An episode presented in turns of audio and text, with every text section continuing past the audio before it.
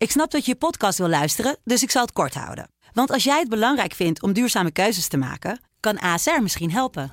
Nou hoor ik je denken, hoe dan? Nou, bijvoorbeeld bij het duurzaam herstellen van schade. Of de premies die we beleggen volgens ons duurzaam beleggingsbeleid. Dat bepaalt waar we wel en juist niet in investeren. Wil je meer weten over welke duurzame keuzes ASR maakt? Ga dan naar asr.nl slash duurzame keuzes. ASR doet het. Zo, dan kan je nu lekker naar je podcast luisteren. Dit is de politieke podcast van de Telegraaf. Het zou best kunnen zijn dat hij niet de minister is die de rit gaat uitzetten. Mooi woord, spekkoper in deze Ja, spekkoper. Ja. Eh, ja, omdat, die, omdat boeren natuurlijk spek eh, maken met hun varkens en zo.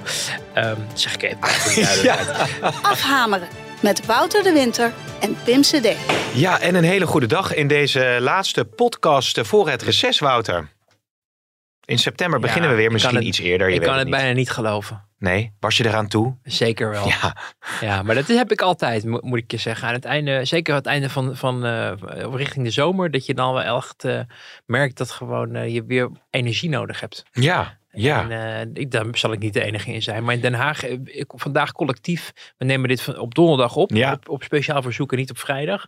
Maar op vandaag loopt dus ook iedereen best wel eh, al op standvlees. Zowel Kamerleden als, als bewindspersonen, als hun entourage, als Ja. ook wel journalisten. Ja, Nou, straks hebben we nog wat vakantieplannen van politici.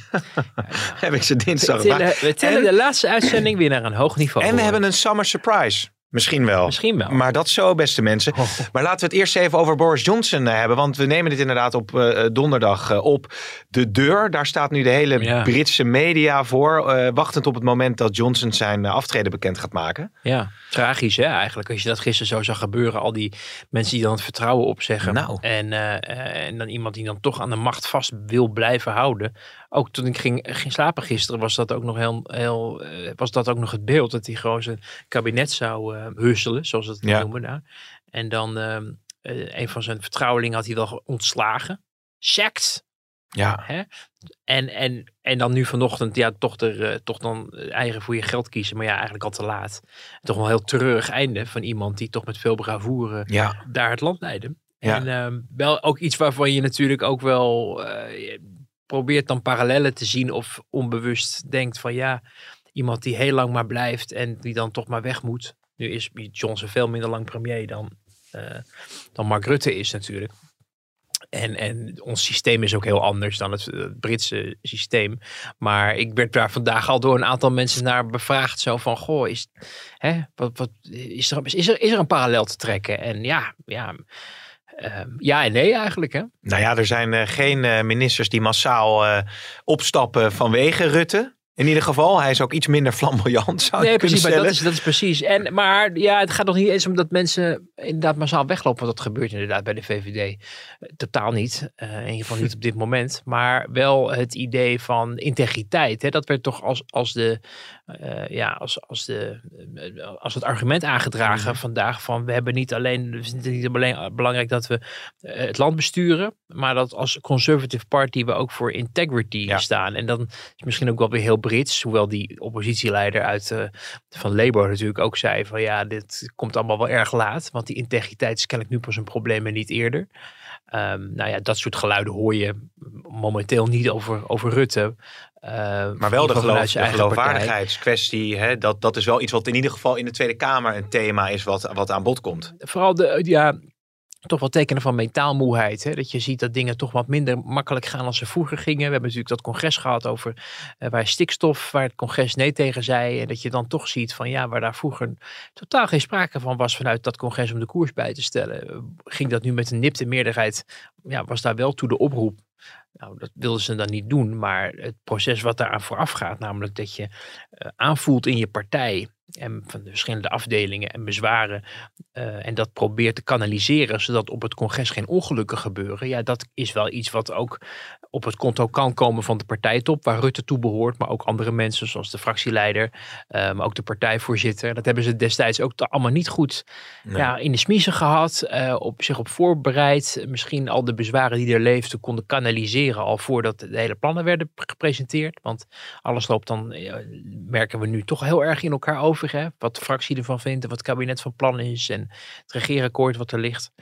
Ehm, dus dan zie je wel van ja, zo'n zo'n peri- zo'n einde van een tijdperk Boris Johnson is dan ook weer eh, ja, werpt de vraag op van ja, tijdperken, tijdperken in de Ja. coalitie kunnen of in de politiek kunnen eindig zijn. Of is Rutte iemand die eh, in het verleden al is opgevallen juist door die enorme veerkracht en die ja, weer kan herreizen tot, tot misschien een bepaalde status? Nou, Rutte is natuurlijk al heel vaak afgeschreven. Niet in de laatste plaats door mensen die eh, het of zelf ambiëren, eh, een plek in het torentje, of omdat ze denken dat het goed scoort bij, eh, bij hun achterban of hun lezers. Want er zijn ook columnisten die, ja, nou ja, de ene dag nog een boek schrijven over, omdat ze denken dat ze er geld aan kunnen verdienen. En de volgende, volgende jaren dan allerlei ellende eh, daarover gaan opschrijven. We noemen geen namen. We noemen geen namen, maar ik vind het altijd toch wat curieus.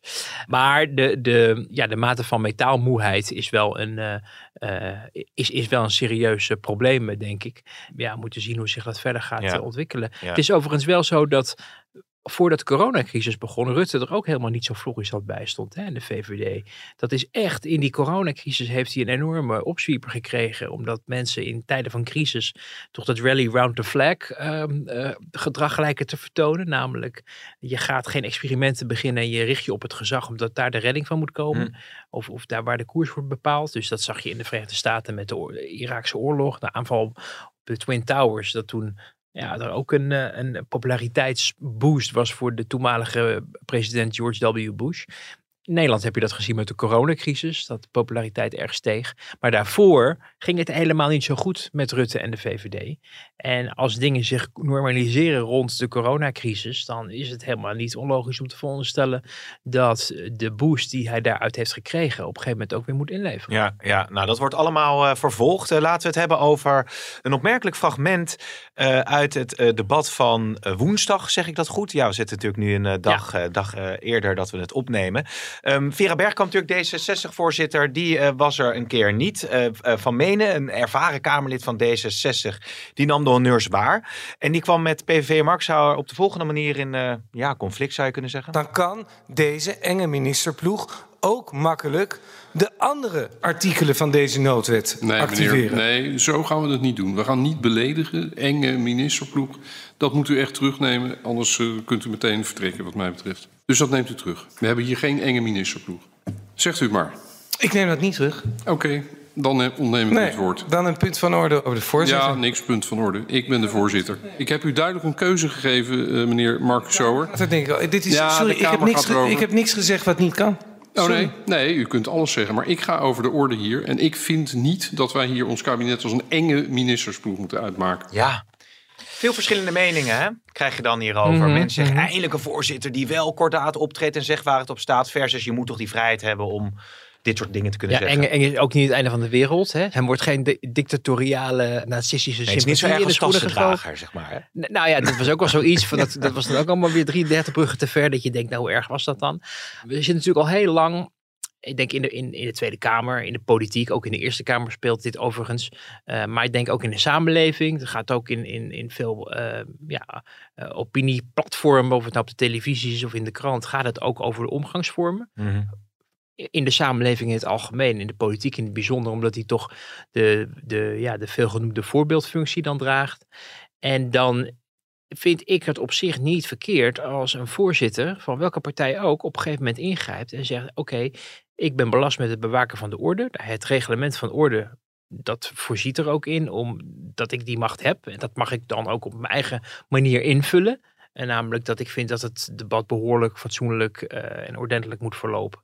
En op het moment dat eh, ik als voorzitter, aan wie mij dus ook de voorzittershamer is toevertrouwd, omdat ik daar eer toe gekozen ben, door de Tweede Kamer, in het geval van Vera Bergkamp, of voor die commissievoorzitters of leden van het presidium, eh, die dan door hun fracties naar voren zijn geschoven, voor op het moment dat Bergkamp niet kan, ja, dan vul ik dat ook op een manier in waarop ik denk dat het debat fatsoenlijk gevoerd moet worden. En eh, Van Menen is hier niet uniek in, hè? want een tijdje geleden was Martin Bosma, notabene van de PVV, de, toch de, de partijgenoot van Geert Wilders, die ook niet op zijn mondje is gevallen en eh, de, de randen opzoekt of daar soms ook overheen gaat in, in, in eh, waardeoordelen, beledigingen richting zijn politieke collega's. Eh, die ingreep en zei, Hmm. eh, dit gaat mij te ver en dat gaan we niet doen. Ik geloof dat het richting de richting Vorm voor Democratie was. Ehm, zo, zodra een voorzitter daar zit en de indruk wekt dat hij daar niet met een, of zij met een partijpolitieke pet zit, maar gewoon boven de partijen, zoals een voorzitter eigenlijk uh, betaamt, ja, de, de, de, vergadering in goede banen leidt, vind ik het eigenlijk wel goed dat er, dat er af en toe wordt ingegrepen. En dit keer was het een D66, maar de PVV, uh, plaatsvervangend voorzitter, heeft dat dus ook al eens gedaan. Henk Nijboer heb ik ook een paar keer zien voorzitter van de PvdA, die doet het ook strak. Dan gaat het trouwens, hè, de bewaken van de orde gaat niet alleen maar over voorkomen dat er mensen kwalificaties krijgen die wellicht onfatsoenlijk zijn of, of, of onnodig grievend of wat dan ook. Hè. Nogmaals, enge is misschien niet het allerergste wat je kan horen, maar goed. Maar het gaat natuurlijk ook verder, het bewaken van de orde. Niet alleen maar het, het, het schelden, uh, maar ook um, uh, het, het, in goede banen leiden van een vergadering als het gaat om interrupties. En dat is iets waar Bergkamp volgens mij ook nog wel het een en ander van kan leren. Bijvoorbeeld van die mensen die ik net noemde. Uh, dus Bosma, Nijboer, uh, ik vond Okje Tellige uh, ook prima voorzitter van de VVD. die af en toe ook zeggen, oké, een interruptie is geen betoog, meneer of mevrouw het Kamerlid. Want af en toe, die grote debatten die we ook van de week weer zagen. Het duurt maar en het duurt maar en het duurt maar. Twintig fracties, iedereen vindt zichzelf heel belangrijk. Maar een interruptie die toch als een, een, een korte onderbreking is bedoeld om, om een verduidelijkende vraag te stellen worden eigenlijk hele betogen die minutenlang kunnen duren. En de voorzitter Bergkamp grijpt daar nooit op in.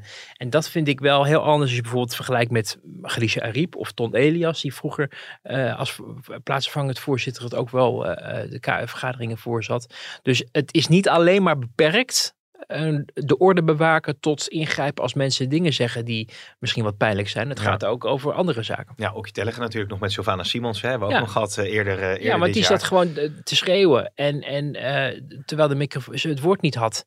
En raakte helemaal over de zijk op het moment dat dat Tellige daar dus een punt van maakte. En ja. Tellige deed dat vervolgens ook weer een overtreffende trap.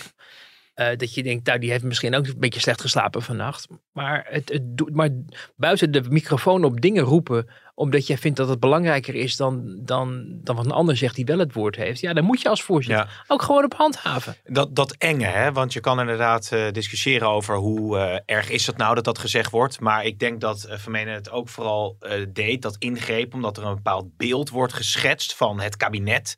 Uh, eng, of ministers, hè, hmm. waarmee je misschien een, ook naar buiten toe uh, een bepaald beeld versterkt van ja, uh, eng, nou ja, noem eens wat Forum allemaal heeft gezegd. Ja. Nou, dit, ging dus, dit was een hele, hele ferme in, ingreep natuurlijk van, van Menen. Ik heb Martin Bosma een paar keer ook wel gewoon en dat deed Khadija Ariep ook regelmatig vroeger. Zeggen van nou weet u, u mag het zeggen, maar ik wil even gezegd hebben dat ik het niet fatsoenlijk vind. En dan mm. geef je wel een beetje af als waarschuwing af als voorzitter. Van je kunt het nog een keer gaan proberen en daarna nog een keer, maar op een gegeven moment is het klaar. Ja. Nu weet ik niet of er voorafgaand aan dit waardeoordeel hè, enge ministersploeg al meer was gebeurd. Want ik moet je bekennen dat ik niet dat hele debat gisteren heb kunnen volgen. Uh, maar je hebt ook daar weer gradaties in aan ingrijpen. Waarschuwen, even zeggen, gok zou uw woorden in het vervolg anders kunnen kiezen. En op een gegeven moment ontneem je iemand het woord. Ja, ja. Dat, dat is inderdaad wel de bevoegdheid die de ja. voorzitter heeft. Er is veel te doen, uh, Wouter, over uh, uh, het schot dat de politie heeft gelost hè, op uiteindelijk een 16-jarige jongen die op zijn trekker er vandoor ging. En wat vooral heel opvallend was, dat verschillende Kamerleden een spoeddebat wilden. Caroline van der Plas die wilde het natuurlijk hebben. Ik lees nu even Wieberen van Haga een tweet toevallig. Belachelijk dat hypocriete partijen vorige week wel wilden debatteren over boerenprotesten. En nu er geschoten wordt op boeren, geen steun voor een debat. Waarom geen poging, wel saillant, om de geest terug te krijgen in de fles, twitterde die daarbij. Nou ja, Jezielgus had al gereageerd van we wachten eerst het onderzoek mm -hmm. van de mm -hmm. Rijksrecherche af. Maar het is wel heel opvallend hè, dat politici bijna over elkaar heen buitelen om meteen te debatteren over uh, ja, een, een agent die, uh, die ja. zijn wapen heeft getrokken en heeft geschoten. Ik geloof dat onze, onze uh, in het hoofdcommentaar vanochtend ook stond Haags gekakel. Ja. namelijk dat, dat Kamerleden zonder de feiten te kennen uh, over elkaar heen buitelen. Van, van verschillende zijden overigens hoor. Namelijk, er is onrecht aangedaan dat de politie heeft geschoten. Tot een ander Kamerlid dan weer zei dat de politie in gevaar werd gebracht. En de Rijksrecherche doet onderzoek, zoals dat altijd gebeurt bij een schietincident. En nog voordat dat, dat klaar is, uh, moet er dan een debat komen. Waarin ook de minister-president moest komen. En die moest dan kennelijk ja, gaan vertellen wat daar is misgegaan. Daar gingen dan Kamerleden weer van zeggen: nee, het gaat ons niet om het reconstrueren van wat er tijdens dat schietincident is gebeurd, maar meer over de algehele sfeer in het land. Dat mm. je ook denkt van ja, maar dat is inderdaad vorige week ook aan de orde gesteld als een gespreksonderwerp. En vervolgens ging het eigenlijk daar niet heel erg meer over, maar ging het toch veel meer over het beleid. Ja. Eh, en helemaal niet over de sfeer in het land. Althans, een stuk minder dan volgens mij uh, de aanvliegroute was. Wat wel zo is, is dat vorige week natuurlijk Kamerleden over elkaar heen buitelden om, naar aanleiding van berichten dat Kamerleden hun werk niet meer zouden kunnen doen, althans beweringen. Uh, dat werd geconcludeerd omdat Dirk Boswijk bijvoorbeeld had gezegd: ik, ik, ik blijf thuis, want er stond iemand aan mijn deur.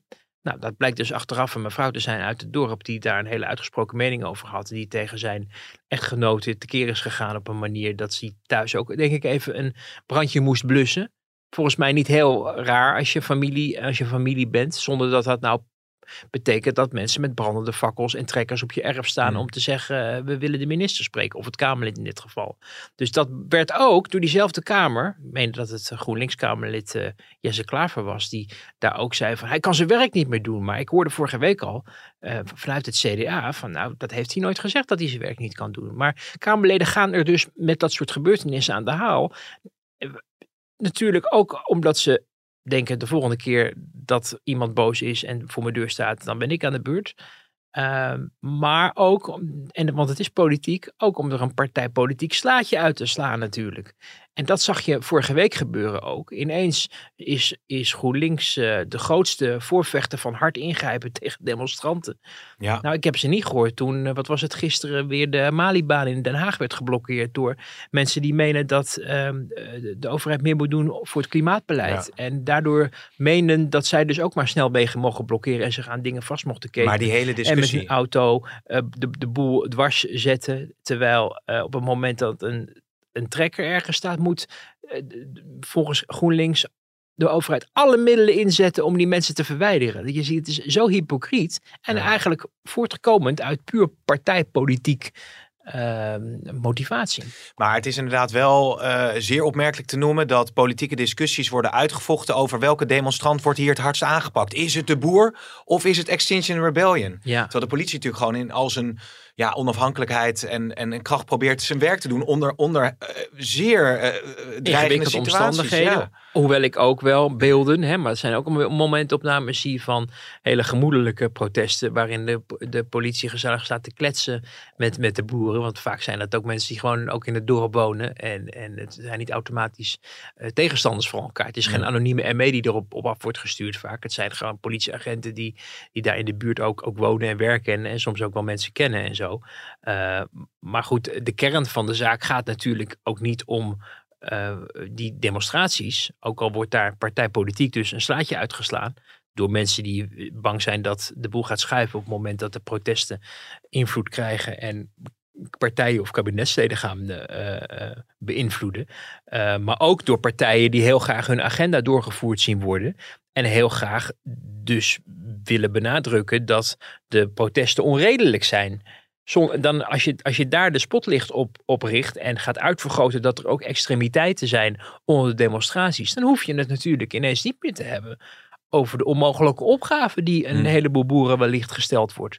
En, en die discussie, die, da- dat is natuurlijk eigenlijk waar het om gaat. Dat is waar nu Remkes dan als gespreksleider bij moet optreden. Waarvan LTL al heeft gezegd, als we al weten dat de doelen en de, on, ja, de onhaalbaarheid dus voorop staat en niet over te praten valt, dan hoeven we ook niet aan tafel met Remkes. Kortom, dat dossier is nog, eh, is nog heel beladen en ook nog lang niet opgelost. En dat gaat veel dieper en is veel ingrijpender en eh, krijgt, heeft veel meer invloed op het leven van mensen dan die discussies in de Tweede Kamer over eh, demonstraties. Ja, maar om dat stukje nog heel even af te ronden. ehm, want wat Liebrand van Haga dan eh, doet, is op het moment dat die beelden van die schietpartij op social media, via Dumpert bij wijze van spreken, eh, verschijnen, meteen aanhaken. En dat is, is dat, is dat, Ja. vind, vind jij dat nu sneller en heftiger gebeuren dan Ja. pak een meter een paar jaar geleden? Want het is natuurlijk, als je naar die beelden kijkt, je hebt natuurlijk geen enkele context. Je hebt geen idee wat allemaal, daar nee, maar is. ze staan ook allemaal eh, elkaar te verdringen bij de interruptiemicrofoon om schande te spreken. En, en er is al, al jarenlang een, een strijd dat als er een misstand gebeurt in, eh, in ons land, of de opening krant van ons, onze krant, of van de Volkskrant, of van de NRC, eh, eh, onheil eh, weergeeft. Dat er een strijd is echt een, een wedloop tussen Kamerleden en vooral de medewerkers van die Kamerleden. Die als eerste moeten zijn om daar een debat over aan te vragen. Want dan mag je achter dat spreekgestoel te gaan staan. En dan mag je zeggen, voorzitter, naar aanleiding van dit verschrikkelijke verhaal. Willen wij een, spoeddebat met de minister van Buitenlandse Zaken of van Onderwijs of wat dan ook. En, en die wedloop die is al jaren gaande. Ook al veel voordat iemand ooit van Wiebren van Hagen had gehoord. Uh, echt al, al, decennia. Hè? Wie wil de eerste zijn? Ook met mondelinge vragen heb je dat heel vaak. Het vragenuurtje. Wij zien er maar twee of drie uh, staan. Maar ik heb vroeger wel eens de groslijst gezien die dan de voorzitter ja, krijgt. Hoeveel, komen, hoeveel zijn dat? Tientallen. Ja, echt? Er staan gewoon dertig mensen op die vragen willen stellen. Dan moet de voorzitter op basis van uh, ja, de relevantie of de beschikbaarheid, soms ook van bewindspersonen, die zijn ook niet altijd even in het land. of of nou, wat, er, wat allemaal relevant kan zijn en ook een beetje evenredige verdeling tussen de partijen. Toen Bergkamp net aantrad, was het vooral D66 die als eerste uh, mocht een vraag stellen. Dat begon wel een beetje op te vallen. Dat is nu volgens mij wel, wel gewoon, uh, zoals het hoort, namelijk gewoon fair. Zonder aanziens des partij, maar wel uh, een beetje ehm, in balans met elkaar. Maar, maar tegenwoordig met 20 fracties en 16 oppositiefracties en een bewegend electoraat waarvan men in peilingen ziet dat Caroline van der Plas spekkoper is van de onrust bij de boeren, omdat die... Mooi woord, spekkoper in deze spekkoper, ja. Uh, ja, omdat, die, omdat boeren natuurlijk spek ja. uh, maken met hun varkens en zo. Um, zeg ik even voor de duidelijkheid. dus, dus men ziet de, de politieke concurrentie ook van Caroline van der Plas, zeker bij uh, de, de, populistische kant van, van, van de Tweede Kamer, ziet dat er, daar, daar vallen kiezers te halen. Dus wil jij niet al die kiezers naar Caroline van der Plas over laten stappen. Uh, of hè, vanuit, want die komen vanuit CDA, VVD en wat andere partijen. En, uh, maar die wil je zelf ook binnenhalen. Dus ga jij zelf ook ineens, ik bedoel, Wim van Haga, uh, Vorm voor Democratie. Ook niet een partij waarvan je elke dag denkt dat ze met de moddelaarse het Tweede nee, Kamergebouw uh, in, in wandelen. Ja. Hè? Het is toch meer uh, van de witte wijn en het lavendel snuiven. maar goed, als daar op de populistische hoek nog wat valt binnen te harken, dan zijn zij natuurlijk ook behoorlijk verontwaardigd. Ja. En, en dat verklaart ook waarom men over elkaar heen buitelt om maar verontwaardiging te tonen. Omdat men denkt, hé, hey, daar zijn duidelijk mensen. Ja. Er kunnen natuurlijk meer demonstraties zijn en meer ophef ontstaan. Maar als daar niet een heel duidelijk uh, ja, partijpolitieke uh, winst bij valt te halen, dan zie je vaak ook dat ja, niet alle partijen daar even warm voor lopen Ja. om daar uh, verontwaardigd over te zijn. Maar ik vond het wel opvallend, eh, niet om de hele tijd over Van te hebben, maar dat hij juist zegt om de geest terug in de fles te krijgen. Terwijl eigenlijk als je telkens naar die interruptiemicrofoon loopt of telkens spoeddebatten wil, dan hou je eigenlijk misschien wel meer de geest uit de fles. Omdat je alles politiek maakt en alles, ja, al die fragmenten worden natuurlijk ook overal weer overgenomen. Dus of dat nou goed is om de geest in de fles te krijgen, kun je natuurlijk uh, Nee, ja, terdege afvragen. Nee, maar wat, wat, wat wel zo is op dit moment. En ehm, nou ja, de dag is nog jong. En op zo'n laatste Kamerdag kan er nog wat een en ander gebeuren. En misschien volgende week. Want eh, je weet niet hoe die zich dit verder gaat ontwikkelen. Maar er is wel wat gaande in die samenleving. Het is nu met de boeren. Eh, maar we hadden op de voorpagina van de krant woensdag ook eh, de, de voorzitter van FNV. Die ook zegt van, dames en heren, de koopkracht en de portemonnee. ehm, dat wordt, kan wel heel pijnlijk gaan worden. Heel, heel heftig. Ehm, er kan best op een gegeven moment een sfeer in het land ontstaan dat mensen er gewoon klaar mee zijn en het idee hebben dat eh, de politiek onvoldoende oog heeft voor de echte zorgen van burgers. Niet over wie er als eerste een debat mag aanvragen of wie wie nou vertrouwt of hoe het nou staat met de sms'jes van de premier of de appjes van Hugo de Jonge. Maar de echte eh, problemen die wij natuurlijk ook in, in ons onderzoek een paar weken geleden in de krant hadden, namelijk dat 77% vindt dat Den Haag te veel met zichzelf bezig is.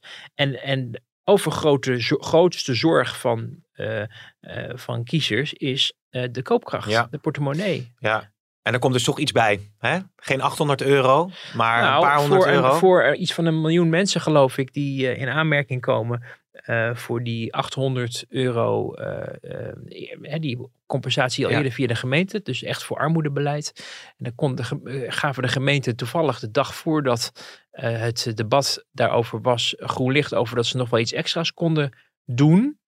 Ehm, maar de deur bleef voor de rest dicht. En die rest, dat zijn de andere 16 miljoen of 16,6 miljoen mensen inmiddels in Nederland. En er zijn er ook genoeg mensen die niet zo ontzettend veel last hebben van de hoge inflatie. Maar dat hele segment dat bijvoorbeeld zorgtoeslag ontvangt, toch iets van 4,5 miljoen mensen. Dat, dat, dat, ehm, tenzij je dan tot die miljoen behoort die, die armoederegeling krijgt, eh, gewoon nu niet meer gecompenseerd worden dit jaar. En we zijn maar halverwege. Dus wie weet wat er nog allemaal kan Ja. gebeuren. Wie weet hoe ho- hoog de prijzen nog kunnen oplopen en hoe zeer de inflatie eh, toeneemt. En, en ja, de, ka- de kabinet zegt, we doen dat dus niet. Want de uitvoeringsorganisaties kunnen dat niet aan. Nou, dat, dat, dat zal ongetwijfeld een, een geloofwaardig argument zijn. Maar als je ziet naar wat er aan andere ingrepen de afgelopen jaren, bijvoorbeeld voor corona, de volgende dag al mogelijk was. Zij omzicht ook, hè? Ja, dan, dan is dat soms wat moeilijk eh, eh, voor te stellen. Bovendien, je kan belastingtechnisch ook nog aan knoppen draaien met BTW en zo. Dat is dan generiek, dus dat gaat aan het hele land gaat dat merken. Niet alleen maar de mensen die die 4,5 eh, eh, die 4,5 miljoen mensen met zorgtoeslag. Ik hou me het even te goed over het precieze aantal van die 4,5 miljoen, maar uit mijn hoofd zeg ik 4,5 miljoen. Ehm, maar dan kan je bijvoorbeeld nog in oktober, 1 oktober, want dan zit je weer in een kwartaal, zou je daar nog iets kunnen Ja. veranderen. Als je echt wil. Het kan ook heel goed zijn dat het kabinet denkt, ja, dit is een never ending story. Je kan blijven, kunnen blijven plakken en lijmen en bijplussen. Maar die inflatie en de financiële crisis gaat uiteindelijk toch iedereen natuurlijk eh, dan raken. Precies. En wat, wat wil je misschien nog voor de zekerheid iets in de tas houden? Want eh, ik heb ook even nagevraagd dit weekend aan, die, eh, aan, aan de partijen die dan voor die eh, 500 euro eh, waren. Eh, die dan, dan hè, breed zou moeten worden ingezet voor de lagere inkomens, de middeninkomens. En ze zeggen, kom je eigenlijk bij 500 euro? Ja, Want En? is daar een rapport of zo dat zegt 500 euro? Nee, ja, nee, dat was toch wel. We denken dat dit een redelijk bedrag is, Oh, maar het had ook 400 of 600 Ja. kunnen zijn. Toen dacht ik, ja, maar als, als, als je met, met dat soort. Ja, toch je vinger in de lucht steekt. moet een beetje denken aan dat kwartiertje van Jette in de, in de, Ja. de avondklok. Dat je zegt, nou, dan komen we uit op eh, Ja, 385 euro. Ja, dat je denkt, bij jezelf denkt van, is dat nou eh, een heel geloofwaardig argument? En is het ook de manier waarop je moet omgaan met Ja. belastinggeld? Want het kost natuurlijk allemaal geld. Als je 500 ehm, maal een miljoen, dat is 500 miljoen, dat is een half miljard. Ja, Ja, maar weet je wat, laten we 600 doen, dan is het 600 miljoen. En dat is allemaal geld wat jij en ik bij elkaar en alle luisteraars bij elkaar aan het sprokkelen zijn Ja. natuurlijk elke, elke maand. Dus dat je daar af en toe ook wel even van zegt van nou, ehm beetje pas op de plaats, hoort denk ik ook wel enigszins bij eh, verantwoordelijk bestuur. ja. Eh, Ja. De keerzijde is, en dat is natuurlijk de makke, niemand weet eigenlijk precies eh, hoe erg het zal worden. En niemand kan ook precies maatwerk leveren om die groepen en die mensen te helpen die het het hardst raakt. Want als jij en je energieprijzen voor drie jaar al had vastgezet, dan heb je dus een stuk minder of misschien wel geen last van stijgende gasprijzen. Vergeleken met iemand die een variabel contract Ja. heeft. Maar de overheid heeft heel weinig mogelijkheden om precies aan die mensen die, die, die dan helemaal te, eh, die, die de klos zijn, precies wel te compenseren. En die mensen die een eh, vast contract hebben, eh, vast energiecontract, niet. ja, nee, precies. Nou, dat wordt allemaal eh, vervolgd. Vervolgd, dat geheel terzijde. Dat geheel terzijde, waarvan akte enzovoort. Zo gooien ze Oh, nog even allemaal uit, dames en heren, voor reces. Maar we gaan het niet over musicals hebben. Jij noemde net eventjes LTO, eh Sjaak van der Tak is dat volgens mij. Hè? Die zei, wij gaan niet met eh, Remkes praten. Ik hoorde Bleker dat ook zeggen bij Renze. Nou, met die... hoe heet het? Met die Remkes gaan wij niet praten. Nou, lekker dan met die gespreksleider. Als, als op voorhand al niemand met hem wil praten. Ja, nu moet ik wel bij Bleker altijd wel even denken van, hmm. eh, want- Tegenover Bromet zat hij, hè? In de eerste Renze. ja, ja. en dan bij, bij Bromet denk ik trouwens ook wel eens, hmm. Eh, maar goed, daar hebben we het de volgende keer Ja, wil over je dat niet verder eh, uitdiepen? Eh, maar ehm, ehm, bij, bij, bij Bleker, ik bedoel, hij is wel een van de politiek verantwoordelijken die uiteindelijk ehm, ervoor heeft gezorgd dat we nu met z'n allen als land zo in die ellende zitten. Dan kan je zeggen, met de wijsheid van nu is het makkelijk praten. En hij is zeker niet de enige geweest, want er waren ook andere bewindspersonen op zijn portefeuille die dit beleid voorstonden. Ook Kamerleden overigens. Hè.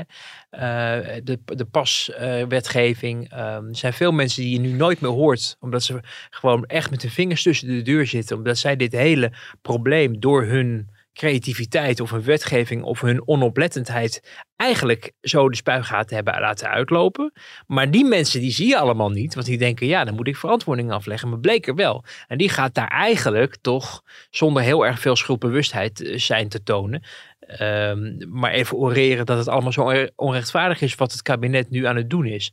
En daar heb ik wel een heel ongemakkelijk gevoel bij. Ja. Want ik zou dan zeggen, misschien moet jij gewoon nu maar even iets anders gaan doen. Jij bent toch niet- geïnterviewd ook? Een keer, Henk Bleker. Of eh, in ieder geval heeft een groot interview in de Telegraaf met Ja, hem eh, ik was dat niet. Oh, Ik dat was je niet. niet, Maar nee. eh, ja, hij was geloof ik naar zijn boerderij weer getogen. En, eh, Ja, maar hij kan toch het boerenleven en het opkomen voor het boerenbestaan, dat kan hij niet laten. Daar voelt hij zich blijkbaar enorm ja, mee nou, allemaal, maar hij was ook helemaal niet zo'n goede staatssecretaris.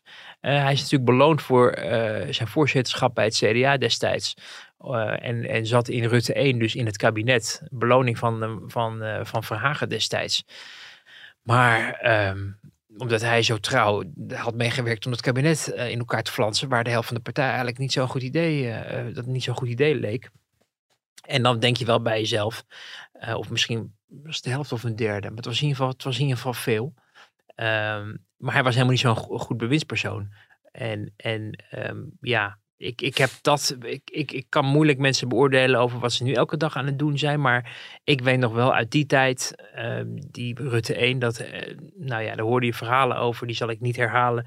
Maar. ehm, Het mag. ja, maar goed, dat, dat, dat, hij was niet een dossiervreter. Nee, nee, nee. Ehm, eh, tot ergernis van zijn ambtenaren. Dus, dus dan nu een grote broek aantrekken.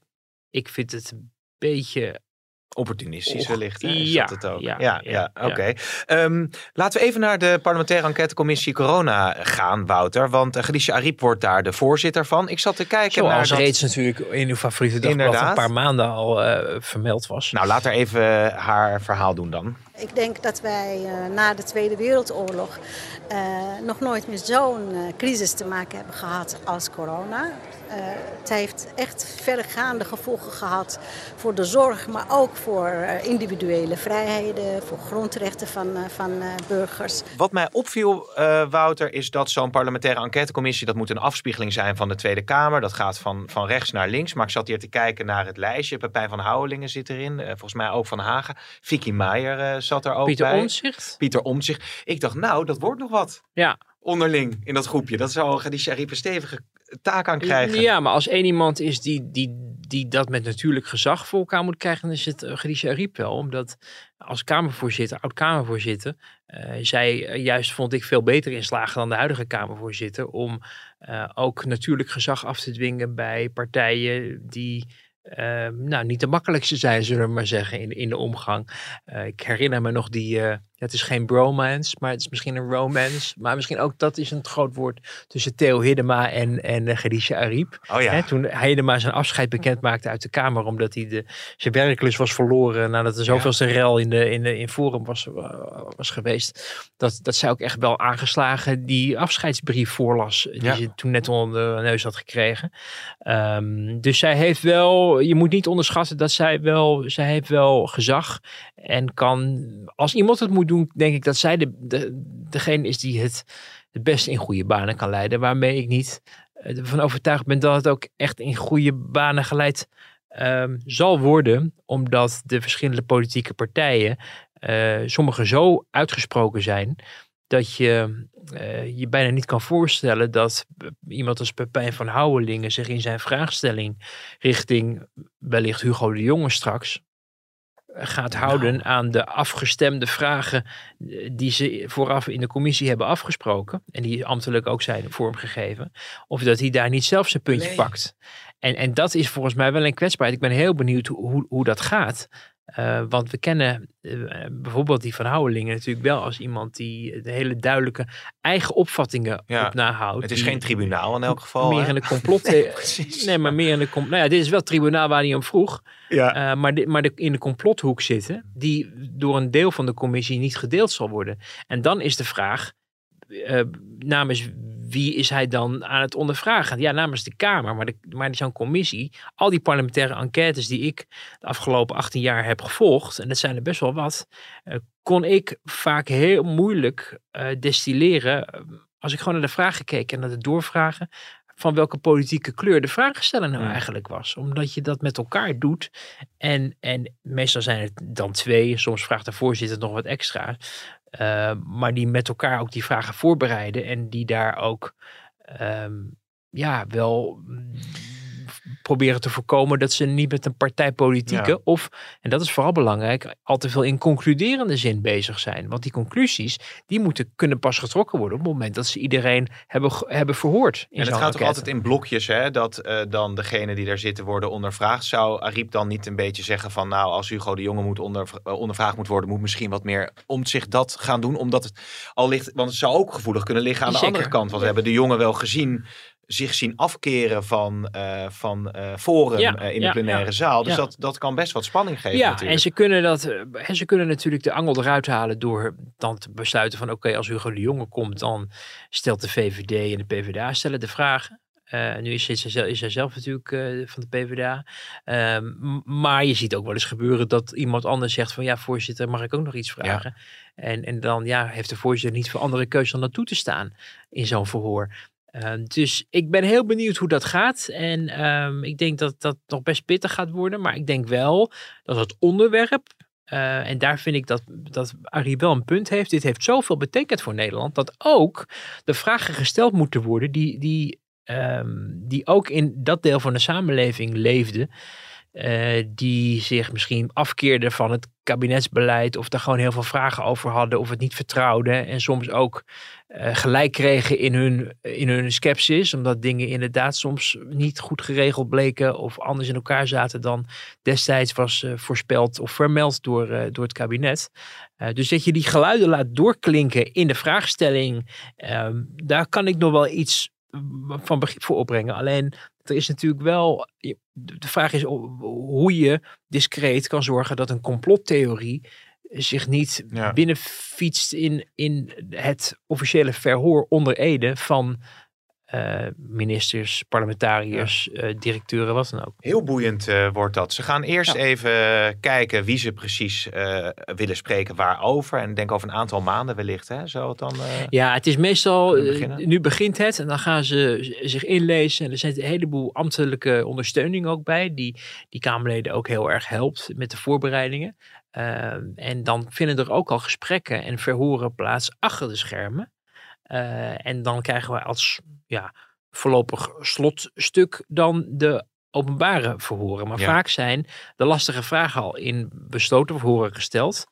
Eh, en willen ze mensen het openbaar laten uitspreken of misschien nog iets verder gaan.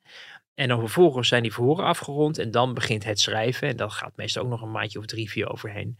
Eh, we, we weten nog niet precies wanneer dit tot Nee. een einde gaat leiden. Maar het wordt in ieder geval interessant met eh, waarschijnlijk Van Dissel, eh, De Jonge, Rutte, Ja. die daar allemaal zullen gaan Ja, de gaan jongen zitten. heeft aangegeven dat hij, waar hij nu nog heel vaak op zijn lip bij, bijt, behalve van die ene keer dat hij over die appjes naar Siewert eh, Mhm. moest, moest, moest komen praten, maar heel vaak op zijn lip bijt, bijvoorbeeld in de reactie op het eerste OVV-rapport van Jeroen Dijsselbloem, toen hem van alles werd verweten, omdat hij niet, hij wil zijn verhaal wel echt kwijt en hij heeft er ook hele uitgesproken opvattingen over. Dus dat verhoor van de jongen, eh, die gaat ook niemand sparen. Die gaat ook echt Zo. eh, eh, want die heeft de afgelopen jaren natuurlijk gezien hoeveel mensen ook kritiek op hem hebben Ja. geuit. Maar hij heeft ook een heleboel van die mensen die ook op televisie en in kranten gingen verklaren wat allemaal beter had gemoeten. Ook mensen uit van zorgorganisaties die dan gingen klagen dat ze dingen niet hadden gekregen. Hij gaat onder Ede, eh, zo is mij verteld, wel verklaren hoe hypocriet en onjuist sommige beweringen af en toe zijn geweest. En hoe eh, Zo. hij daar ook destijds Ehm, om de lieve vrede te bewaren en de, en de coherentie van het beleid en, en de rust te, bewaren, om maar niet ehm, ja, met, met zorgbestuurders rollenbollend over straat te gaan. Dat snap je ook wel. Of met collega bewindspersonen. En dat ging al heel moeilijk. Maar dat, dat er wel een moment komt dat als hij onder Ede staat, eh, vrij, al, vrij weinig anders kan dan te vertellen hoe het volgens hem is gegaan. Maar om daar misschien ook weer goed uit te komen, is enige deemoedigheid ook niet eh, geheel eh onhandig. Nou ja, je, dat, is, dat is wel waar. Het is wel zo dat voor die verhoren vaak mensen vanuit het departement ook ondersteuning krijgen aangeboden in, een, in het kader van een training of zo. Bij, bij financiën is dat bijvoorbeeld gebeurd rond de kinderopvangtoeslag eh, verhoren. Dat waren dan niet pas geen parlementaire enquête, maar dat was een onderzoekscommissie. Eh, maar dan dat je dan. Hè, dat, de pest daarvan is dat je dan ook mensen hoort verklaren van, eh, oh, dat kan ik me niet meer herinneren. Ja. Dat, is, dat is een beetje de, ja, de, de, de, de joker die wordt ingezet. Maar op een gegeven moment dat je je honderd dingen niet meer kan herinneren, dan maak je jezelf natuurlijk wel heel erg verdacht. En dan zijn er andere mensen die onder Ede gaan verklaren over wat jij hebt gedaan. Dus of de conclusie dan ook milder zal worden omdat jij dingen niet kan herinneren, is dus daarmee zeer de vraag. Maar ehm, het, wordt, het, wordt, uh, het wordt heel pittig. En ik ja, ben nog heel benieuwd hoe en wanneer die verhoren plaatsvinden. Uh, dat zal natuurlijk moeten gebeuren door de mensen die nu in die commissie zitten. Maar zou ook moeten veronderstellen dat het, de samenstelling van de Kamer ook overeind blijft zoals die nu is. Uh, oftewel dat het kabinet in het zadel blijft. En op zich, het is best een ingewikkelde tijd aan het worden. Ja. Uh, het is in theorie mogelijk natuurlijk als er ongelukken gebeuren met de statenverkiezingen. En, en de coalitie gewoon te weinig zetels heeft in de Senaat om nog maar iets voor elkaar te krijgen. Dat we dan ook een vroegtijdig einde zien van het kabinet. En dan betekent ook dat die Kamer uh, opnieuw samengesteld ja. moet worden. Dus, dus dit traject naar het eindrapport van de parlementaire enquêtecommissie Corona, dat, dat wordt nog echt gaat wel een paar jaar duren, denk ik. Ja, en zeer boeiend allemaal. Even wat luchtigs dan, hè? Oh. Het is vakantie. Jouw favoriete onderdeel nee, van de podcast. Ja, ik stond afgelopen dinsdag in Den Haag en ik dacht van ja, jongens, weet je. Ga ik het nou doen of ga ik het niet doen? Het wordt vakantie. Wat zijn de plannen? Zijn jullie toe aan reces? Nou, even een kleine impressie. U gaat toch niet vliegen op zomervakantie, denk ik, hè? Ik? Ja? Nee, man. Nee. Zou een korte reces nou fijn zijn? Of mensen snappen dat toch niet helemaal? 5 september pas weer, joh. Ja, maar we moeten ook goed uitrusten. Ja, en we hebben natuurlijk elke dag de stress dat we misschien nog een keer uh, terug moeten komen als het kabinet in elkaar valt. Het is eigenlijk nooit echt vakantie voor ons. Maar het valt me wel op dat iedereen zegt, oh, ik ben zo toe aan reces. Ik ben zo toe aan reces. Maar is dat niet een beetje, ja, is dat nou wel echt zo? Ja, het is af en toe best hard werken. We moeten ook niet zeuren, we krijgen er goed voor betaald. Maar soms is het best hard werken. Dus het is toch vaak uh, op je tandvlees uh, richting het reces. Het komt nooit een dag te laat, zou ik maar zeggen. Ja, Bosma, die weet het er altijd wel leuk te vertellen. Hè? Heerlijke vent is het wat dat betreft, hè? zo ad rem. Ja, ik plaag hem wel eens als ik weer om kwart voor vijf uh, met zijn tasje het gebouw uit zie lopen. En dan zeg ik, zo, Half vandaag. vandaag. ja, Hij wordt ook in de PVV ook wel als aardslui omschreven. Oh, echt waar? Ja, ja. En, uh, maar goed, echt niet door mij. Ik zou niet durven, maar uh, een, een, een uh, nou ja, bekend PVV heeft me dat wel eens toegefluisterd. maar ja, goed. Er zijn wel meer Kamerleden die het een stuk minder druk hebben dan andere Kamerleden. En Bosma is ook ondervoorzitter, dus heeft daar ook wel een, een taak. Ja. Maar ik heb bijvoorbeeld, maar ja, dit is, heb ik misschien wel eens eerder verteld. Dat, uh, hij doet ook de, de begroting Koninklijk Huis. En uh, dan vroeg ik van, goh, uh, vind je het boeiend of zo? Want dan zat hij in, dat, in de vergaderzaal, zat hij een boek te lezen. Zat hij niet in het debat, ja? nu zat hij gewoon een boek te lezen. En ik zeg, wat ben je aan het lezen? En hij zegt, verzameld werk van Bram van Ooyik. Oh, nou ja, daar moet dat, ja, dus ja. die liefdesvondigheid is. Nou ja, goed, het was in ieder geval. Uh, maar die vakanties. Esther ja. Ouwehand die gaat uh, zeker niet vliegen. We hoorden haar als eerste. En uh, Laura Bromet die gaat met de trein. Weer die Laura, wat heb naar je de, met naar de Poolcirkel. Ja, niet, nee, verder niet zoveel. Nee, en maar, met de trein naar de Poolcirkel. Ja, ik vroeg of die niet ging. Nou. Ik, ik, dacht, ja, bij GroenLinks gaat er niemand vliegen. En ik vroeg of de, me, af of dat wordt opgelegd door partijleider uh, Jesse Klaver. Heb je ook gevraagd met wie? Met wie ze naar de pool? Met een gezin, volgens mij. En Daniel Koerhuis heeft oh. vier kinderen. Ja, je hoort in één keer hele leuke dingen. En Segers is geloof ik 25 jaar getrouwd en die gaat op een uh, romantische reis. Uh, ja, nou. ja, niet met het, ik denk niet met het vliegtuig, want ik heb al met hem eens gesproken. En toen hadden we het over, over vliegreizen en zo. En toen uh, zei hij wel dat hij echt persoonlijk wel heel erg was voor minder vliegen. Misschien gaat hij dan wel maar een moment wel, met de Interrail dan. Maar dat hij wel moeite had om zijn eigen kinderen ervan te overtuigen. Oh ja? Want die vonden het wel lekker om even naar Spanje te vliegen voor, de, voor, de, voor het na het studeren of zo. Ja. Dus, dus dan zie je ook dat de, de praktijk van, um, van het eigen gezin en de eigen omgeving af en toe ook best wel contrasteert met ja, de Ja. mooie bedoelingen die in de Kamer worden Ja, uitgesproken. ik wou nog heel flauw zeggen, als hier een burgeroorlog wordt, dan kan je maar snel, beter snel en lang op vakantie gaan natuurlijk. Maar eh, Ja, daar, ja. Dat, is, dat is een rare uitgeleider geweest. was een rare, hè? Ook veel mensen, ook in zijn, zelfs in zijn eigen partij, van denken. En het dan vergoedelijken van ja, het was in de context van dit of dat. Maar een beetje om, ja, heel, Ja. heel merkwaardig Ja, gegaan. Ook misschien de reden dat je ook maar even eh, met reces moet. Want moet niet vergeten, er is natuurlijk een groep politici die, eh, ook al heeft Den Haag behoorlijk stilgelegen tijdens die verschrikkelijke formatie. ehm, de coalitiefracties eh, hebben wel heel erg veel doorgewerkt en onderhandeld. En Ja. dat heeft ook wel zijn, zijn tol geëist natuurlijk ook op de energie. Ja, precies. Hey, de Summer Surprise, daar eindigen we dan mee, Wouter. Want dat had ik aan het begin van de podcast aangekondigd. Nou, kom maar door. Wat wordt de Nou, Summer Surprise? Dat, ik, een beetje, ik moest daar een beetje aan denken, omdat ik in mijn favoriete podcast, waar ik een paar weken geleden over vertelde, van, van Bill Maher, uh, hoorde. Die doet altijd voordat hij uh, er een tijdje uitgaat. Um, uh, future headlines. En dan, mm, nou ja, dan hebben ze het over wat, wat kan nou over drie weken ineens de voorpagina van de krant worden. Terwijl wat we nu al weten wat gaat gebeuren. Terwijl het nog niet echt gebeurd is, zullen we maar zeggen. Dus daar zat ik een beetje over te filosoferen. En toen dacht ik, ja, het is toch een rare tijd momenteel. Dat je merkt dat er onrust is in het land. Uh, de inflatie oploopt. Het leven wordt duurder. Er is een oorlogsdreiging in Europa waarvan eigenlijk niemand weet hoe dat nou eigenlijk verder gaat. En wat de rol daar ook is van de NAVO. En, en worden we nog verder in een oorlog getrokken of niet? Hoe zit het eigenlijk met onze eigen verdediging? Want we hebben alles materieel geloof ik inmiddels aan, uh, aan Kiev geschonken.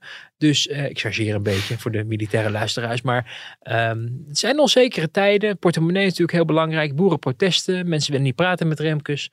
Uh, en we hebben natuurlijk een aantal mensen gezien in Den Haag die ook niet echt de sterren van de hemel aan het spelen waren. En dan moet je er toch altijd rekening mee houden dat er in zo'n acht weken lang er ook wel eens iemand ineens kan vertrekken. Uh, en ik heb niet serieuze aanwijzingen dat iemand van plan is of bezig is om nu zijn ontslagbrief te schrijven. Maar een, een, een nieuwsluw reces kan mensen heel snel door de achterdeur uh, hmm. uh, ja, laten vertrekken. We hebben het bijvoorbeeld met het vorige kabinet gezien dat er ineens allerlei bewindspersonen andere banen gingen aannemen omdat ze demissionair waren. Die Stientje van Veldhoven bijvoorbeeld ja. van D66 was na de laatste kabinetsvergadering ineens verzwoenden heeft nooit verantwoording afgelegd waarom ze niet gewoon de hele rit heeft uitgezeten. Maar stond wel twee weken geleden op het D66-congres alles weer aan elkaar te praten. Dat ik bij mezelf dacht, ik dacht dat jij nog in het schaamhoekje zat. Maar nee hoor, ze stond ze weer en was weer op Twitter actief. Ik denk, oh, die heeft zichzelf wel weer een rehabilitatie voor haar vaandelvluchten gegeven.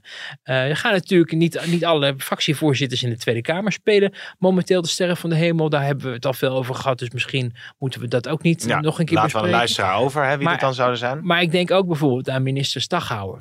Ja, Want, want lieve hemel, wat, is, wat, wat, wat Nou, maakt die er een rommeltje nou, van? we- we- want we hebben, hebben natuurlijk ook nog deze week eh, gezien met een eh, boerenkiel die hij aangeboden had gekregen van een boer. En die had hij dan om zijn arm gebonden. ja. En hij verklaarde nou ja, waarom die, die gest had aangenomen, hoe belangrijk dat was. Hoe kijk je daarnaar? Nou, ik vond het eh, ja, bij, eigenlijk wel bij de spin af. Ik vond het echt, echt absurd. Ik vraag me echt af. Je zei, we hebben er al veel over gehad. We hebben het vorige week over gehad. En ook op wie die toen leek. Hè? Ja, Weet nee, je nog? zeker. dat Ja, was toen het hoogtepunt Ja, van, de, van de uitzending. Uh, maar nu heb, krijg je toch echt wel de indruk van ja, als je nu fout op fout blijft stapelen en zelfs in je eigen communicatie, eigen persoonlijke communicatiekeuzes niet aanvoelt, dat het wel heel merkwaardig is dat je met dat, dat boerending gaat lopen rennen, terwijl die mensen aan het protesteren zijn voor jouw beleid. Hè?